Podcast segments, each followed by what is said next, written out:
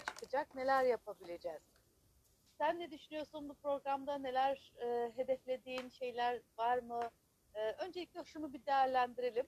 Ondan sonra da konumuza başlayalım.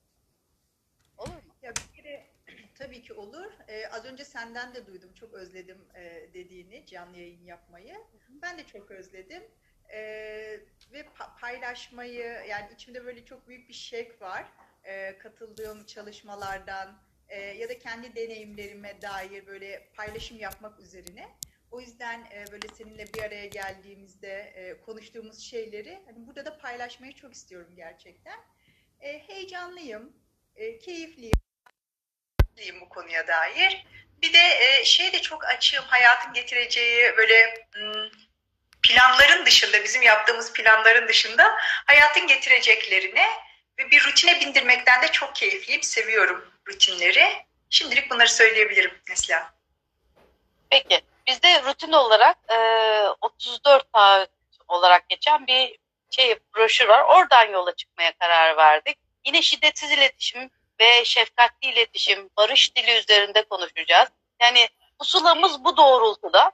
O yüzden e, konuştuğumuz her şey kişinin ve hem kendine hem yaşantısına şefkatli, barış diliyle ve şiddetsiz e, iletişim dediğimiz argümanlar üzerinden yola çıkıp buradan e, konuşmamızı yapacağız. Bunu da belirtmiş olalım.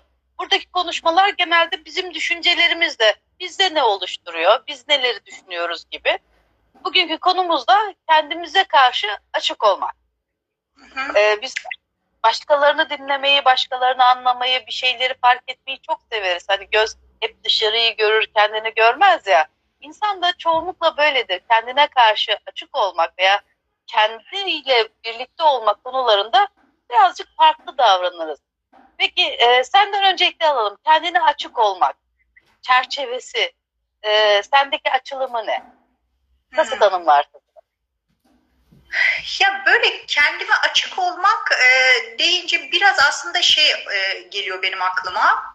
Böyle kendime karşı merak dolu ve şefkatli olmak aklıma geliyor. Bir de kalbimi kendime açık tutmak anlıyorum ben.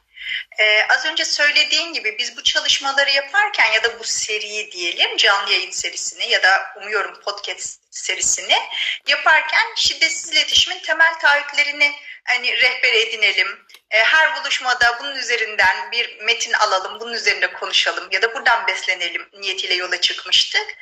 Burada da e, Miki Kaş'tan e, şiddetsiz iletişimin annelerinden biri diyebilirim. Onun e, kaleme aldığı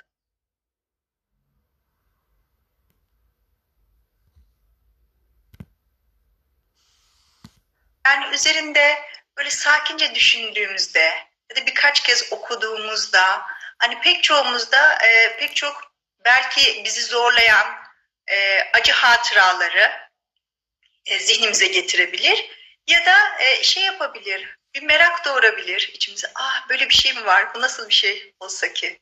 diye. E, buna dair pek çok örnek de var. E, şimdilik bunları söyleyebilirim. Bilmiyorum bunları duymak sana nasıl geldi şimdi sen bunlarla birlikte nasılsın? Şey var, kendine açık olmak, kendi hislerini yaşamak da hep olumlu, hep iyi olacak demek değil bu. Ee, bazen olumsuz şeyleri hissetmeye de insanın açık olması önemli.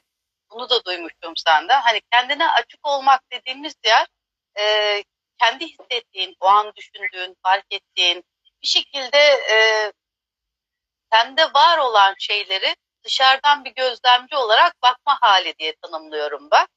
Ee, burada, burada da kendine açık olmak çerçevesi çok güzel. Mesela hayatın içinde bununla ilgili nasıl örnekler verebiliriz sence? Ah o, o, kadar çok ki burası böyle derya deniz bolluk bir alan. Şimdi şöyle düşünelim. Yine bu metindeki hani o girişten böyle e, yola çıkmak istedim. Hani gerçekten hoşuma gitmeyen şekillerde davrandığımda bile kalbimi kendime nasıl açık tutarım? Bir kere Evet. hani şöyle bir bakalım günlük hayatımızda bu iş yaşamında olabilir, işte ev ortamında olabilir, eşimle çocuğumla ilişkimde olabilir, belki trafikte olabilir. Pek çok kez mesela düşünsem hani şöyle bir soru sorsam tahmin ediyorum pek çok şey gelir aklımıza, örnek gelir. Yani gerçekten yaptığım bir davranıştan memnun olmadığım bir anıyı düşünsem. Mesela ben de oluyor. Yani belki şöyle bir şey aklımıza gelecek. İşte trafikteyiz ve işte çocuk arka koltukta araba kullanıyoruz. Bir şekilde bir argo kelime çıktı ağzımızdan ya da bir küfür. Yani bu çok Oluyor olası. zaten. Yaşayabiliriz. Çok olası ve kendimizi şöyle yargılarken bulabiliriz. Ya çocuğun önünde küfür ettim diye.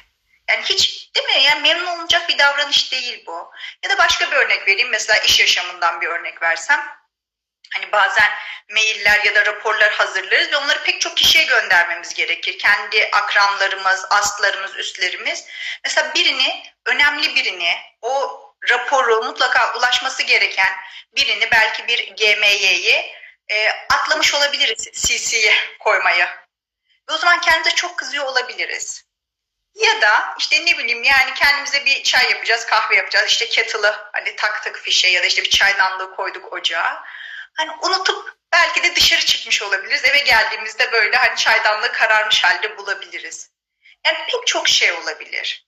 Ya da ne bileyim hmm, şu da olabilir. Ee, mesela birine böyle hmm, nasıl diyeyim tepkiyle yaklaştığımız bir an olur.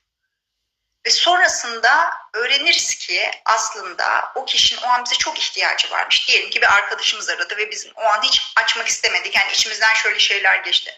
Allah'ım şimdi onu açsam içimi bayacak, uzun uzun konuşacak. Şimdi hiç onu ayıracak vaktim yok dedim ve açmadım farz edelim ki telefonunu. Ve sonra öğrendim ki aslında o an yani bana ulaşsa çok işine yarayacakmış. Dolayısıyla kendi yaptığım davranıştan gerçekten hani bu davranışı yapmamış olmayı çok istediğim zamanlar pek çok kez oluyor. Düşününce hani bunları bir liste yapalım desek ne bileyim işte benim şu an oturduğum apartmanda belki bir dış cephe kaplaması olabilir yani. Pek çok var. Peki bu konuda bir de şunu sormak istiyorum. Ee, insanın kendiyle olan ilişkisi çok aşırı boyuta geçtiği zaman bencillik öbür boyuta geçtiği zaman yani bensizlik diye bir şeyle karşılaşıyoruz. Bunun dengesini bulmak.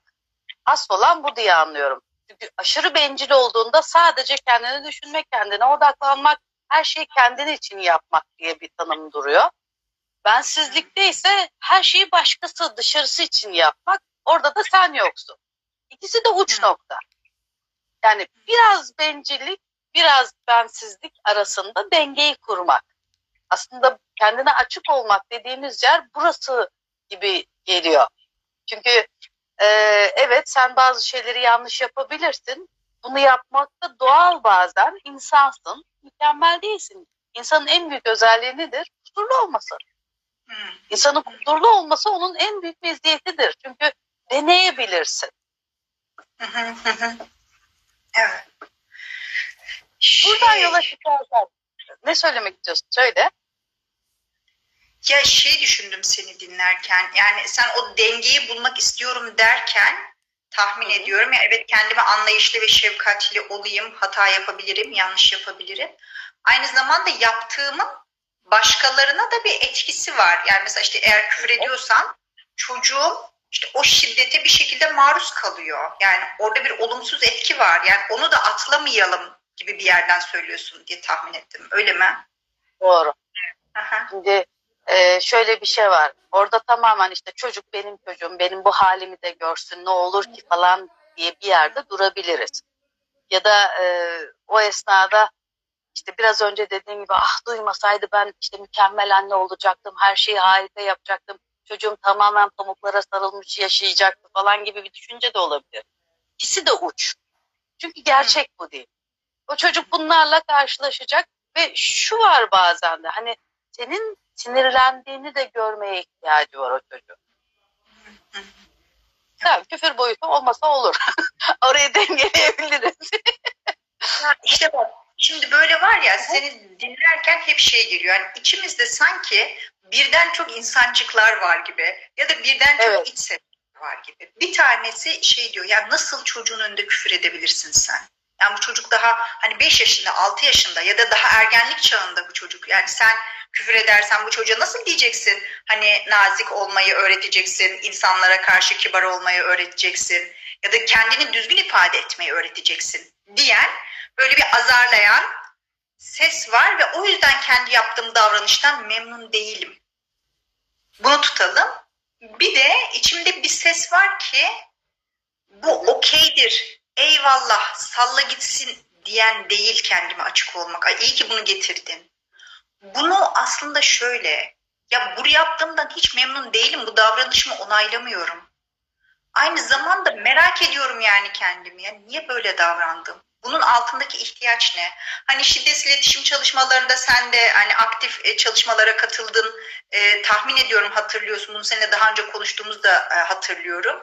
Şey diyor ya şiddetsiz iletişim yaklaşımının şöyle bir varsayımı var. Her yaptığımız davranışın altında aslında her insanın yaptığı her davranışın altında bir şekilde bir ihtiyaç karşılama çabası var, niyeti var. O hayata hizmet eden bir davranış olmasa bile. Şimdi tekrar küfür örneğinden verelim. Diyelim ki işte araba kullanıyorum ve trafikteyim ve e, küfür ettim yani bir şey oldu. Acaba neydi benim ihtiyacım? Tam olayı anına hani gözlemliyoruz ya tam ne oldu onu hatırlayabilirim. İşte belki biri önüme kırdı. Belki biri kornaya bastı bir şey oldu. Oraya baktığımda ya niye ben küfür ettim? Niye tahammülsüz davrandım? dediğimde belki şunu hatırlayabilirim. E, çok uykusuzum, çok yorgunum ve hani en ufak bir şeye artık tahammülüm kalmadı. Bunu görebilirim belki. Ve o zaman hani yetişkin irademle şunu diyebilirim. Çocuğumun önünde argo kelime kullanmak istemiyorum. Ve görüyorum ki ben çok yorgunum. O zaman acaba ben kendimi daha fazla ne kadar gözetebilirim, ne yaparak gözetebilirim diye hani o yetişkin iradem devreye girebilir. Bunun altındaki ihtiyacı gördüğümde ya da hani yorgun değilim, dinlenmeye ihtiyacım yoktur da belki şey olmuştur yani e, çok korkmuş olabilirim önüme bir araba kırıldığında. Yani çok çok korkmuşumdur ve can havliyle hani ağzımdan ne çıktığının farkında değilimdir. Yani o zaman gerçekten düşünsene trafikte bir can korkusunu yaşadığın anı nasıl şey gösteririz kendimize ya da bir başkasına. Yani onu görmek ve belki bu konuda hani çocuğumuzla bunu paylaşmak. Ya biliyor musun işte bak bugün hani işte seni okula bırakırken ya da işte birlikte alışveriş merkezine giderken hani benim ağzımdan böyle bir kelime çıktı hatırlıyor musun? Ve ben düşündüğümde aslında bunun çok çirkin bir davranış olduğunu fark ediyorum. Yani o an çok korkmuştum.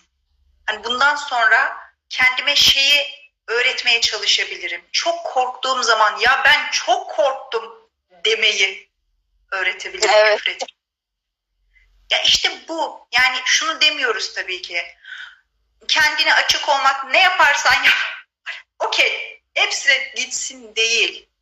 Gerçekten hani seninle konuşurken bu yayın öncesinde böyle kendimize ebeveynlik yapmak demiştin. Evet. Hani bak, Şu an ben de onu diyecektim. Hani kendini fark ederek yeri geldiği zaman kendi kendinin ebeveyni olmak, e, kendi kendinin arkadaşı olmak ve bazen de dışarıdan izleyebilmek, olan her neyse onu da kabul edebilmek gibi bir yerde durmak diye anlıyorum ben.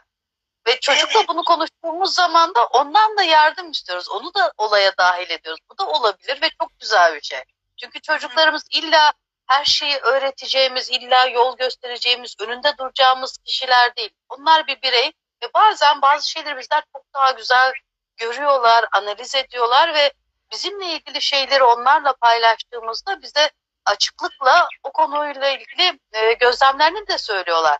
Bu da çok güzel e, paylaşım oluyor. E, ileriye yönelik baktığımız zaman onun kendi duygularına da rahatlıkla alan açmasına vesile oluyor. Ben de bunları duyuyorum senden. evet, Ama evet, insanın öyle. kendi kendine ebeveyn olması önemli. Bunu nasıl tanımlarsın? Mesela senin pencerenden nasıl gözüküyor bu? Ya mesela işte bu böyle yani hani bak bu yaptığın e, doğru bir davranış değil. Yani hayata hizmet etmiyor. Aksine böyle şiddet üretiyor, şiddeti tetikliyor belki. Aynı zamanda burada mühim olan şey ihtiyaçla bağ kurmak. Şimdi kendimizi yargılayabiliriz. E, mesela şey örneğinden başka bir örnek de versem yani yaptığım bir hata olabilir. Diyelim ki e, birine şimdi şi- nasıl bir örnek düşünmüştüm. Diyelim ki birine Burada şey, e, Ee, aşk ilahi hazine de diyor ki gerçekte insanın özü sevgidir diyebilir miyiz diyor. Yani o sevgiye erişme bazında.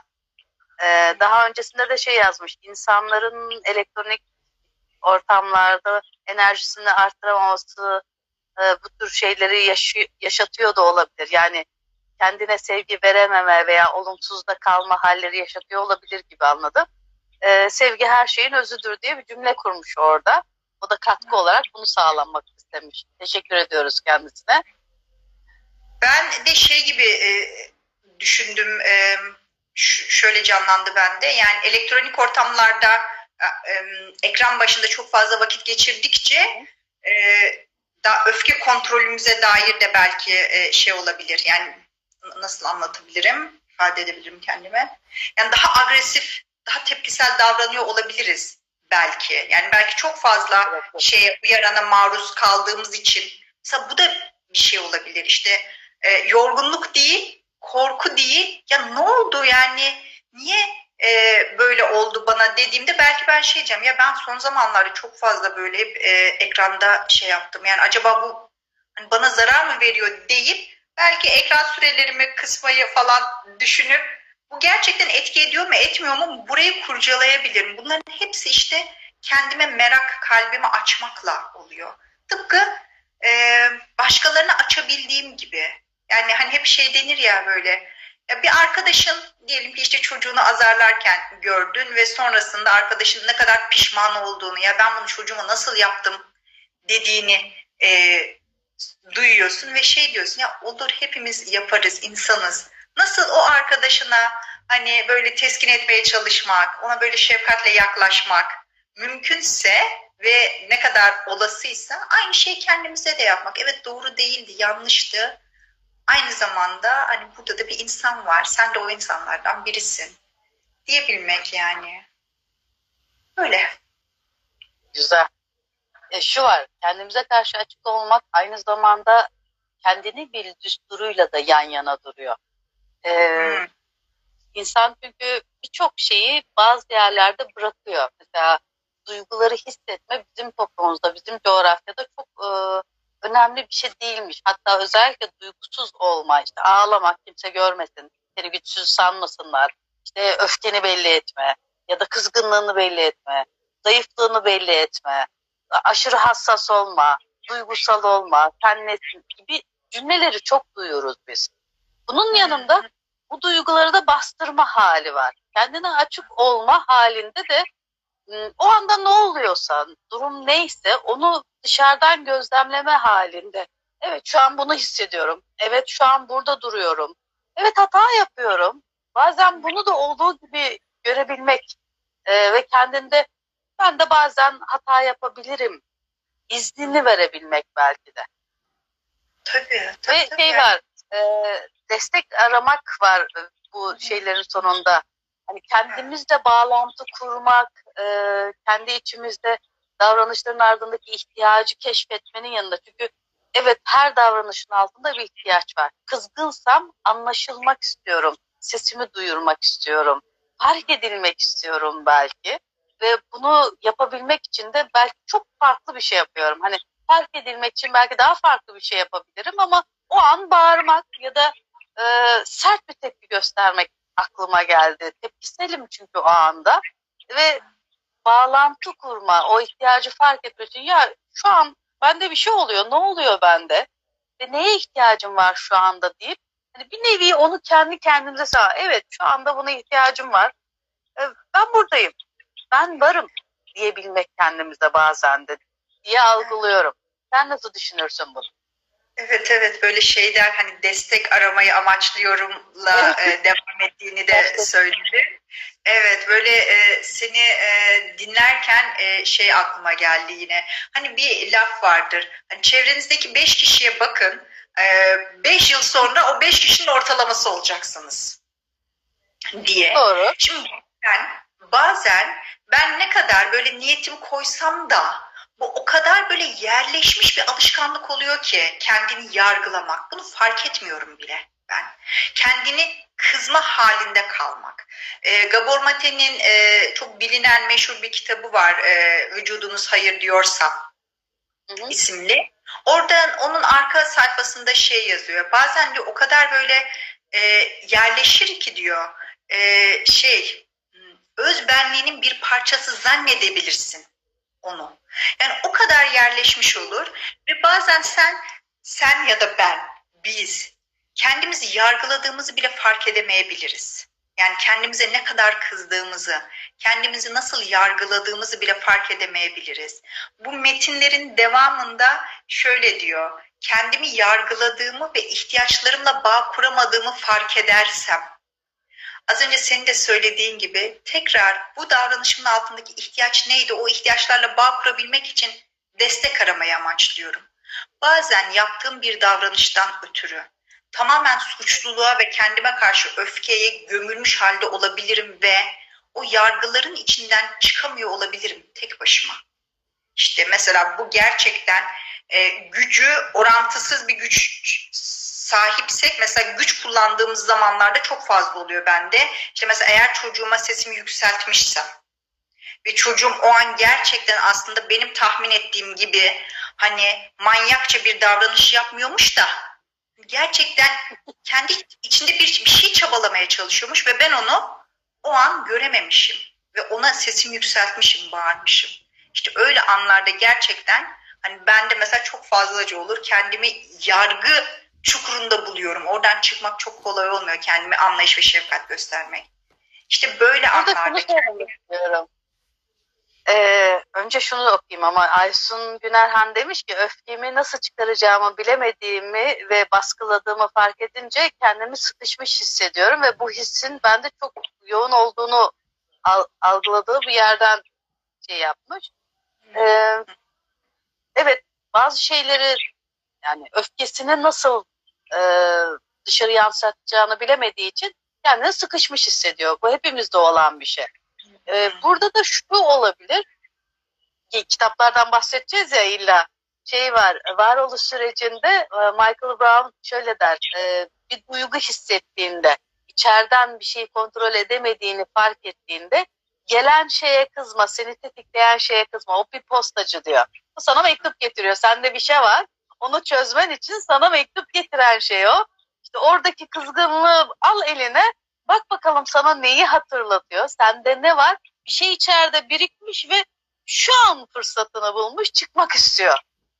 İşte orada kendine dönüp, kendine açık olup ben nerede bu duyguyu hissettim? Bu kızgınlık bende e, hangi sebeple bulunuyor gibi bir soru da e, onu cevaplamak için güzel olabilir gibi geldi.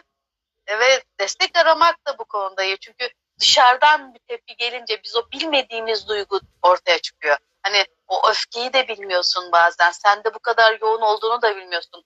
Bir şey oluyor ve bir bakıyorsun olmadığın veya belki de hiç istemediğin bir haldesin, bir tavırdasın ve bir anlık oluyor, tepkisel oluyor.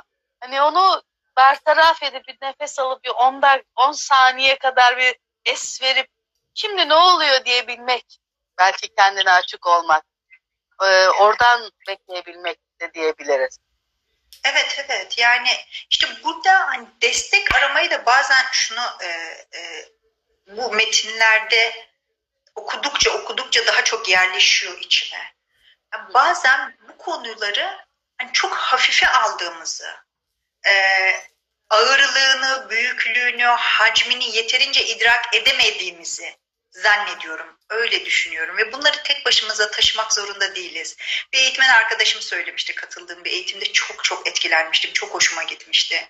Şöyle söyledi. Yani ihtiyaçlarımız tek başımıza taşıyabileceğimizden çok daha kıymetli. Ee, yani böyle bunları da tek başımıza çözmek zorunda değiliz. O kadar sinirli olduğumuz anlarda hele ki o öfkeyi nasıl çıkaracağımızı bilmiyorsak yani ya da o kıskançlık duygusunun adını daha yeni koyuyorsak ya da içimizde ne olup bittiğine anlam veremiyorsak ya bunu tek başına kurcalamak öyle 10 saniyelerde bir saatlerde falan olmuyor yani. Yok Gerçekten. canım, Ben sadece o, o an için diyorum. Yoksa bu bir süreç yani kendini tanımak, kendini bilmek bir süreç. Bir de ne zaman olacağını, nasıl olacağını da bilmiyorsun. Yola giriyorsun. Her seferinde o yoldan tekrar geçtiğin bir yol aslında. Hani her seferinde geçerken başka bir manzarayı fark ediyorsun. Burada bu da varmış, bu ağaç da varmış, bu çiçek de varmış. Hatta ben buradan geçerken bu kokuları da alıyorum dediğin bir yol diye düşünüyorum ben. öyle hani 10 saniye dedim bir kızgınlık halinde derler nefesini tut ona kadar say bir farkına var. Hem kendine dön tepkisel olma penceresinden bakıp onu katlı olarak sunmak istedim ama bu bir süreç zaten. Hani kendini kendine açık olmak, kendini bilmek, kendi içindekilere açık olmak. Çünkü dediğin gibi bazı şeyleri biz de bilmiyoruz. İçimizde var, duruyor. Ne zaman e, oraya konulduğunu, ne şekilde konuldu, hangi olayla orada olduğunu bilmiyoruz. Bedenimiz çünkü kayıt deposu gibi. Hiç beklemediğimiz bir anda, beklemediğimiz bir şey oluyor ve o kayıt bir anda ortaya çıkıyor. Yani onunla yüzleşme anında kendimize açık olabilmek, o süreci güzel bir şekilde devam ettirebilmek, farkına varabilmek. O yüzden farkındalık çok önemli diyoruz ya. Evet evet. Ve bunu yaparken hani tek başımıza olmak zorunda değiliz. Bir başkası bize eşlik edebilir. Yani bu konularda dinlemeyi bilen, yani gerçekten yargısızlığı tecrübe etmiş, bu tür tecrübeleri, deneyimleri olan, bu bir uzman da olabilir. Ya da gerçekten samimiyetine, içtenliğine güvendiğimiz bir arkadaşımız, bir dostumuz da olabilir. Ee, biz konuşurken bize eşlik edebilir, bize soru sorabilir. Ya sen o anda şunu mu istemiştin? Buna mı özlem duymuştun? Böyle mi geçmişti içinden diye. Hani az önce şey demiştim, e, hani çevremizdeki beş kişinin ortalamalısıyız diye. Eğer şimdiye kadar ben hani bu duygu dalgalanması diyeyim nasıl tutulur çevremden görmediysem, bilmediysem gerçekten o insanlarla donatabilirim çevremi başkalarıyla ancak görebiliyorum. Hani her insanda bir başkasının aynası oluyor. Ee, kendi başıma göremiyorum kendimi. Neslihan'a baktığım zaman Neslihan'ın sözleriyle anlayabiliyorum kendimi bazen. O yüzden de destek aramayı e, çok kıymetli buluyorum. Bir de bir şey daha böyle yazılan yazıları da fark ediyorum. Sen de ara ara onları okuyorsun galiba. Bir şey Evet. daha söylemek istiyorum. Bir e, YouTube videosunda bir psikoloğundu galiba.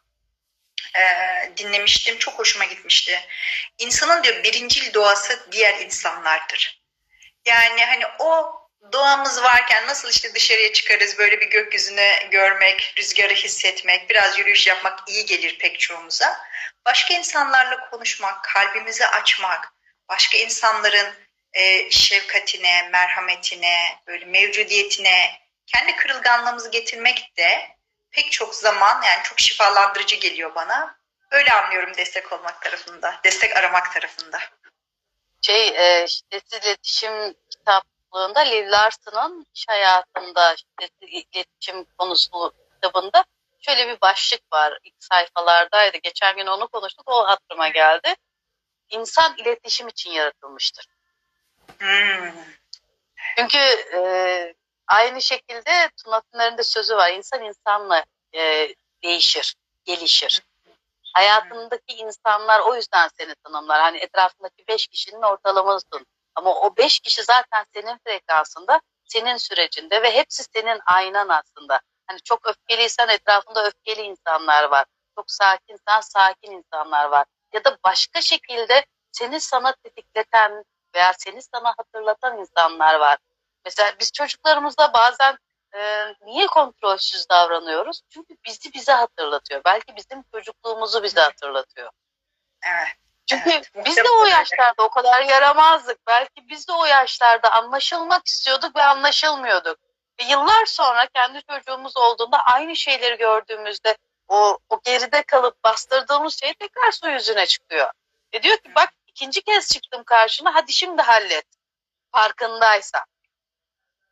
O yüzden çocuklarımız, eşimiz, ailemiz, etrafımızda olan her insan, hatta bazen yolda karşılaştığımız alelade bir insan dahi bize bir şey anlatıyor, bizi bize yansıtıyor.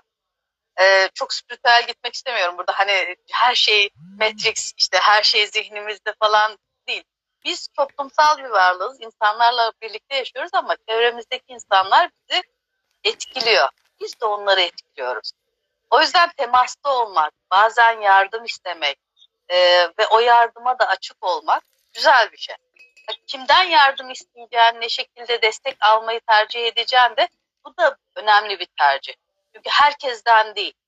Yani şöyle bir şey, aşırı yargılayan, eleştiren birine gidip anlattığında seni suçlu yapacaktır. Orada e, çözümsüzlüğün içinde bırakacaktır ve sen aslında olmak istediğin halden daha aşağı bir şekilde de karşılaşabilirsin.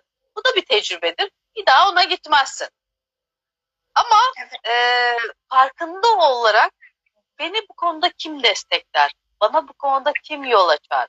Beni bana tanıtırken e, soracağım insanlar kim olabilir? Şey vardı, koçluk üzerine eğitim alırken yıllar önce bedrak ederlermiş. Osmanlı zamanında cuma günleri gelirmiş. Beyaz giyen dervişler olurmuş. Hmm. Ve şey sorardık ilk önce. Benim sorunum var çözmek istiyorum veya hayatımı değiştirmek istiyorum diye yardım isterlermiş onlardan. O da dermiş ki haftaya kadar çevrendeki insanlara sor. Senin en çok hoşlandıkları özelliğin senin becerilerin ne? Ee, hoşlanmadıkları özelliklerine etrafındaki insanlardan sor haftaya bana gel. Yani kendini başkasının gözüyle gör öyle gel diyor. Hı. Burada onu da yakaladım sende. Ee, yani ama dışarıdan destek alırken, yardım isterken veya şey yaparken kendine bazen dışarıdan bakmak. Kendine açık olmayı. Biz e, kendi kendimizi keşfederken birçok şeyi görmüyoruz. Yargılamada muhteşemiz ama şefkat göstermeli. Ya ben bu konuda iyiyim. Bunu çok iyi yapıyorum. Şu konuda becerilerim var dediğimizde ha, o kadar değil ya falan diye bir ses çıkıyor bir taraftan. Ama e, onu da farkına varabilmek, o konuda da açık olabilmek.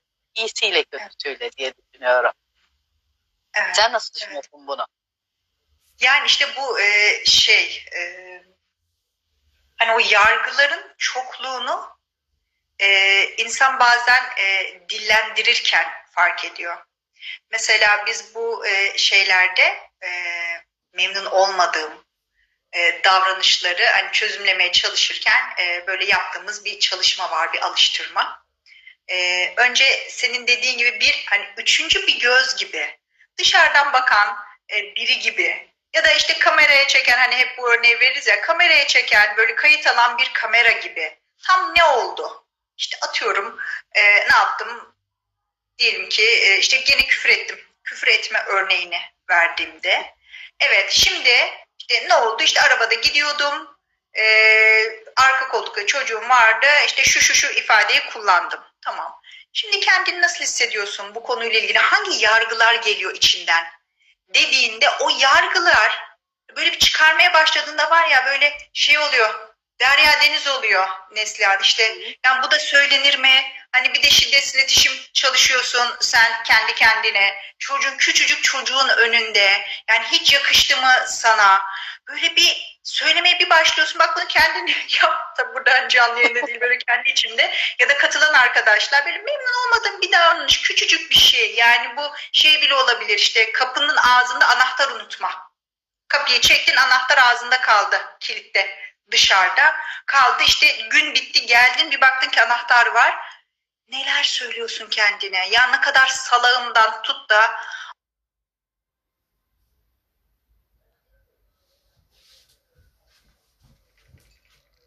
Ay ben iyice böyle bir saflaştım. Yani en basit şeyleri bile unutuyorum.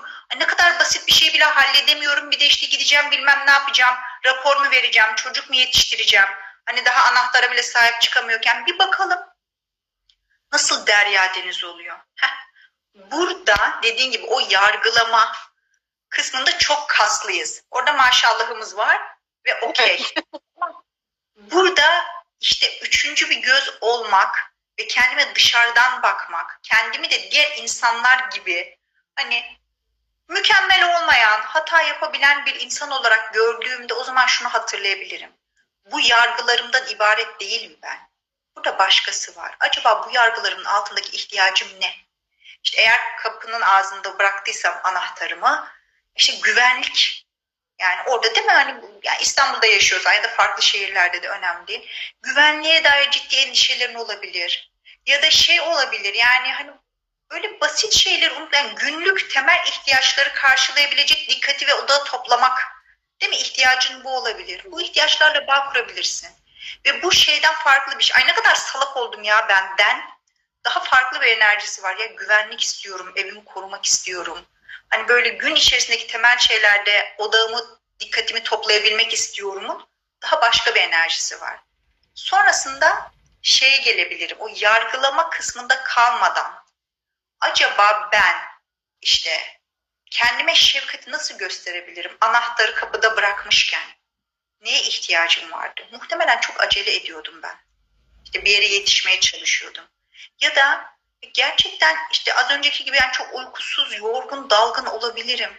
Dikkatim belki şeydeydi işte çocuğu okula yetiştirebilecek miyim? E, beslenme çantasını aldı mı? İşte birinci köprü açık mı? İkiden mi gitsem? Dikkatim belki oralardaydı. Aslında günümü planlamaya çalışıyordum. Ya ne kadar insani bir şey. Hani şu değildi. Kapının anahtarı işte anahtarı kapıda bırakayım da ev ne olursa olsun demedim yani. Orada insani bir ihtiyacımı karşılamaya çalışıyordum. Ve kapasitem yetmedi. Peki bundan sonra ne yapabilirim ben? Yani hem günlük ihtiyaçlarımı karşılayabilecek şekilde odağımı koruyabilmek. Aynı zamanda işte günümü de planlayabilmek için ne yapabilirim? Hani ikisi de böyle birer ihtiyacım olsa ikisini aynı yerde nasıl tutabilirim diye oturup bakmak. Bu böyle bir akış gibi e, hızlı hızlı söyledim bilmiyorum hani e, nasıl etkiler uyandırdı sende ve dinleyen arkadaşlarda. Hani çok e, memnun olurum böyle bir iki bir şey yazarlarsa da. E, yani, yani böyle kendim açık olmak benim için böyle bir şey. Önce yargıların hepsini çıkartmak gün yüzüne ve sonra her bir yargının altındaki ihtiyaca bakmak. Sonrasında da ya ben bu ihtiyaçlarımı karşılayamadım ama karşılamaya çalıştığımda başka ihtiyaçlarım var. Neydi onlar? Deyip kendi insanlığımla buluşmak, kendi insanlığımı hatırlamak. Ve sonrasında da Heh, bak burada karşılayamadıklarım var, burada da karşıladıklarım. Bundan sonra ben bu ikisini de nasıl karşılarım diye sormak. Orada da işte sorumluluğu elimize almak dediğimiz yer. Böyle yaşıyorum bunu. Çok güzel çerçeve. Gerçekten önemliydi burası. Ee, evet hemen yazmışlar. Onu okuyayım istersen. Ee, Cemil Meriç değerler, kültürler ve sosyal olarak öğrenebilirsek daha bilinçli insanlar olacağız demiş diye yazıyor Aşık İlahi Hazine.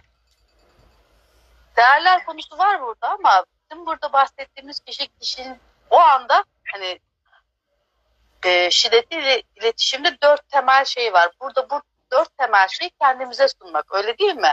Yani birincisi burada ne oluyor? Ne oldu? Kapının üstünde anahtar bıraktım. Olan bu.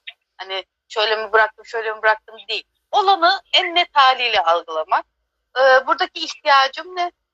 Buradaki duygum ne? Ve ne yapabilirim sonrasında? Ya bunu e, şiddetsiz iletişimin en temel dört sorusu budur. Yani buradaki durum ne? İhtiyacım ne? Duygum ne? Ne yapabilirim? Ya da nasıl ricalarda bulunabilirim? Taleplerim ne gibi? E, sorular var. Bunları kendi içimizde yediriyoruz ve kendimize dönüp de aynı şeyi sunuyoruz. Çünkü e, yargılamak, eleştirmek evet bildiğimiz konular. Burada bunlara biz e, içe dönük çakal diyoruz ya da benliğe dönük e, şey kuyular diyoruz bunlara. Bu benliğe dönük kuyulara düşmeden yüzeyde kalarak e, ayaklarımız yere sağlam basarak gitmek için bazı şeyler olabilir. Bunu fark ederek e, ilerlemek, adım atmak yolunda gitmeyi anlatıyoruz. Kendimize açık olmak bu demek çünkü. E, fark etmek, olanı gör, görmek, olduğu gibi kabul edip sonrasında ne yapacağım üzerinde yola devam etmek. Daha çok senden ne var, nasıl olur, e, şimdi nasıl devam edebilirim sözlerini duydum. Çok güzel bir çerçevelemeydi seninki de. Ve vaktimiz doluyor bugünlük. Yine keyifli bir süreç oldu. Ee, son olarak söylemek istediğim bir şey var mı? Kendimize açık olmak. Yani iyisiyle kötüsüyle e, dört soruyu aklımızda tutarak ve kendi kendimizin yeri geldiğinde ebeveyni olarak sevgi ve şefkat penceresinden ayrılmadan olaylara bakarak e, kendimize açık olmak derken sen nasıl bir çerçeveyle bitirmek istersin? Hmm, nasıl bir çerçeveyle bitirmek isterim? Um, ya şeye tekrar geleceğim. Hani e, konuşmamız esnasında da geçmişti. Yani şunu varsayabiliriz, bunu kabul edebiliriz ve buna göre şekillendirebiliriz bakış açımızı. Her an ne yapıyorsam yapayım altında bir ihtiyaç karşılamaya çalışıyorum ben. Ve burada hakikaten hoşuma gitmeyen bir şekilde davrandığımda bile karşılamaya çalıştığım ihtiyacım neydi? Yani bunu aramak e, sanki böyle kendime açık olmanın anahtarlarından biriymiş gibi geliyor bana. E, bir de belki bu e, yayını kapattıktan sonra e, bahsettiğimiz o kısa metni tekrar paylaşırız. Belki katılan arkadaşlar tekrar üzerinde düşünürler ve herkes kendi e, örneklerini bulur, kendi çalışmalarını yapar. Hatta şey de olsa böyle belki sorular gelir DM'den ya da yorum olarak. Hani o tür etkileşimleri de çok seviyorum, çok besleniyorum gerçekten. E, onları da duymayı çok isterim. Bende bunlar var Neslihan. Çok teşekkür ediyorum bu arada desteğin için, böyle açıklığın için, keyifli sohbetin için. Ben teşekkür ederim. Seninle sohbet etmek bana da iyi geliyor. Biz burada sohbet ederken birbirimizden de çok şey öğreniyoruz bu arada. Hani bakış açılarımız, düş- düşünce yapılarımız, e, farklı öğrenme getirilerimiz burada ortaya çıkıyor ve e, hem biz yararlanıyoruz hem dinleyicilerimiz yararlansın istiyoruz. Bu şekilde devam ettirmeye çalışacağız. İki hafta sonra e, 28'inde yine sizlerle, Güner'le birlikte olacağız aynı konu üzerinde bu sefer duyguları konuşacağız. Bugün birazcık duygu yelpazesine girdik. Ee, belki iki hafta sonraki şeye gelirken de duygu nedir, bendeki duygular, en yoğun duygular nedir diye bir bakılabilir. Konumuz iletişim. İletişim bir sihirdir. Önce kendimizle başlıyoruz ve bunu paylaştığın için de çok teşekkür ederim. İletişimi kendimizden başlayarak yola devam diyelim.